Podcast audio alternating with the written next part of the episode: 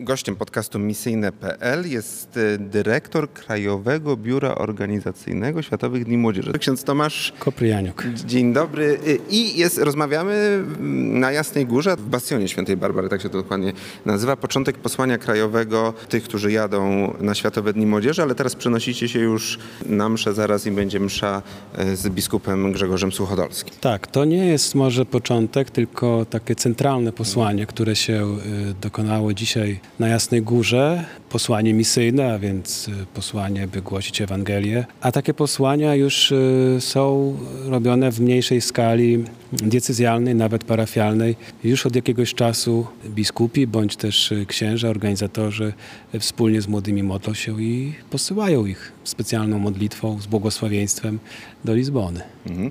Są tu wolontariusze, ale nie tylko, także szeregowi uczestnicy, jeśli można tak powiedzieć. Tak, no Kierowaliśmy zaproszenie do wolontariuszy i bardzo licznie odpowiedzieli. Dzisiaj byli tutaj bardzo taką reprezentacją, e, którą mamy wybraną, e, zrekrutowaną przez nasze biuro.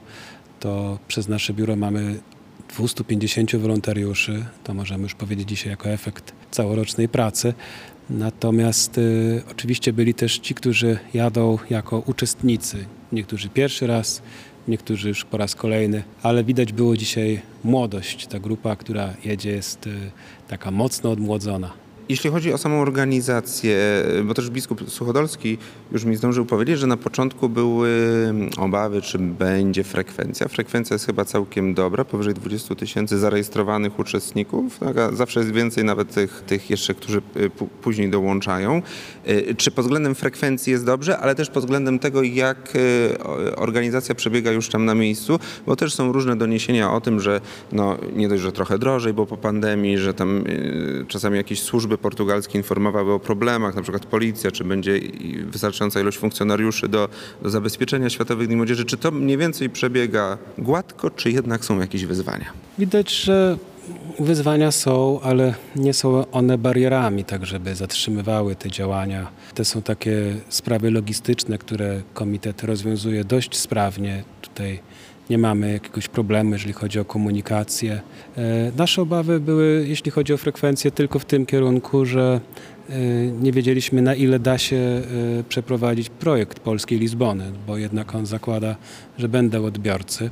I tak trochę szacowaliśmy na początku, że będzie może 4, może 5 tysięcy, co już fajnie pokazywało, że gdyby te osoby w jakiejś części uczestniczyły w tych naszych projektach, to już będzie jakaś część osób, która no, wypełni ten stadion, mhm. który mamy, ale w tym momencie widzimy, że e, będzie dużo osób, które e, przyjadą, które będą i to naprawdę też daje taką satysfakcję, bo to jest ogrom pracy włożony w to są niekończące się maile, spotkania, cały czas jakieś umowy, na każdym etapie potwierdzanie, więc takie zaplecze od tyłu, jakby tak popatrzeć na to wszystko, to jest bardzo bogate, ale Chcę powiedzieć, że y, zawsze były trudności i zawsze pojawiały się tego czy inne obiekcje, jak to przed organizacją, ale na końcu, kiedy już to wszystko rusza, no to to jest y, na bieżąco momentalnie wszystko rozwiązane, więc mhm.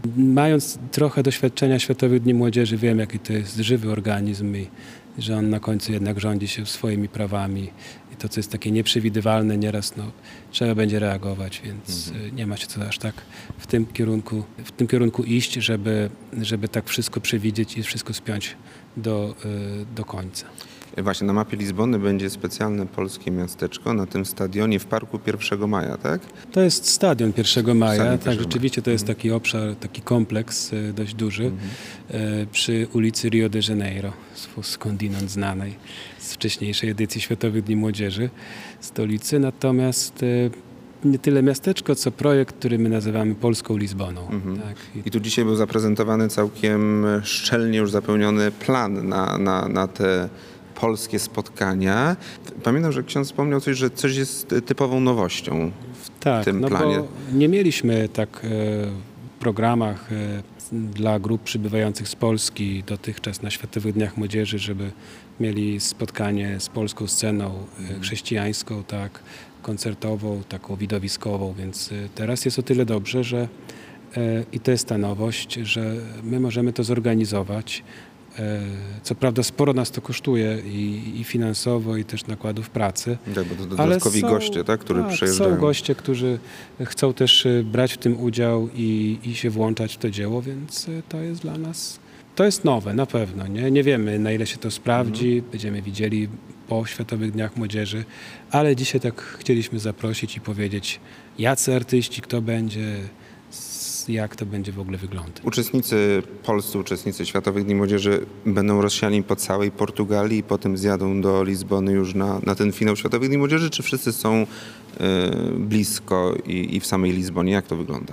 Od 26 lipca są na dniach w diecezjach, więc e, w całej Portugalii, głównie tam na północy, najwięcej naszych grup będzie w Porto, a później zjeżdżają do Lizbony, tak jak to zawsze ma miejsce i uczestniczą w wydarzeniach centralnych. E, może ten zjazd do Lizbony niekoniecznie do samego centrum, ale do tych właśnie miejsc, gdzie będą zakwaterowania. E, Lizbona jest dość rozległa, jeżeli chodzi o e, obszar, a samo centrum jest no, małe i myślę będzie niewydolne, szczególnie jeśli chodzi o autokary czy środki komunikacji takiej prywatnej, takie samochody. Więc y, widzę, że już teraz jest taka tendencja, żeby ta lokalizacja zakwaterowań większych grup, szczególnie autokarowych, e, Była była, obrzeżach. dalsza. Mhm. Też zapytam o samych młodych. E, Z jakim nastawieniem, co księdzu mówią, jadą właśnie do Lizbony, z jakimi przemyśleniami, czego oczekują po tym spotkaniu? Bo często się mówi, że młodzież teraz ma sporo wyzwań, sporo kłopotów, że czas pandemii trochę wszystkich poobijał, no że też jesteśmy społeczeństwem mocno się laicyzującym, więc ci, którzy wierzą i praktykują, to widzą pewnie zmiany w ich otoczeniu, że może są w mniejszości.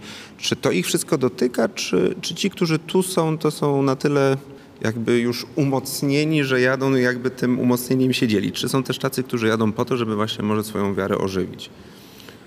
Trudno mi powiedzieć. Na pewno dotyka wszystkich. e, Wszyscy mamy różne doświadczenia odnośnie i tego czasu pandemii, po pandemii, tak teraz tej wojny. Więc e, tych oczekiwań w sercu myślę, że jest bardzo dużo różnych i trudno nawet je tak jakoś szczegółowo wymienić. Ale takich e, wspólnych mianowników to myślę, że zawsze na pierwsze miejsce idzie doświadczenie wspólnoty, przeżywanie wiary, e, doświadczenie też e, tej jedności wiary, e, szukanie jakiegoś odniesienia w swoim życiu, może partnera życiowego, nie wiem, żony, męża, odkrywania powołania. Różnymi drogami Pan Bóg prowadzi i to na pewno jest taka wielka tajemnica, jeśli chodzi o to, co młodzi mają w sercach, zanim wyruszą.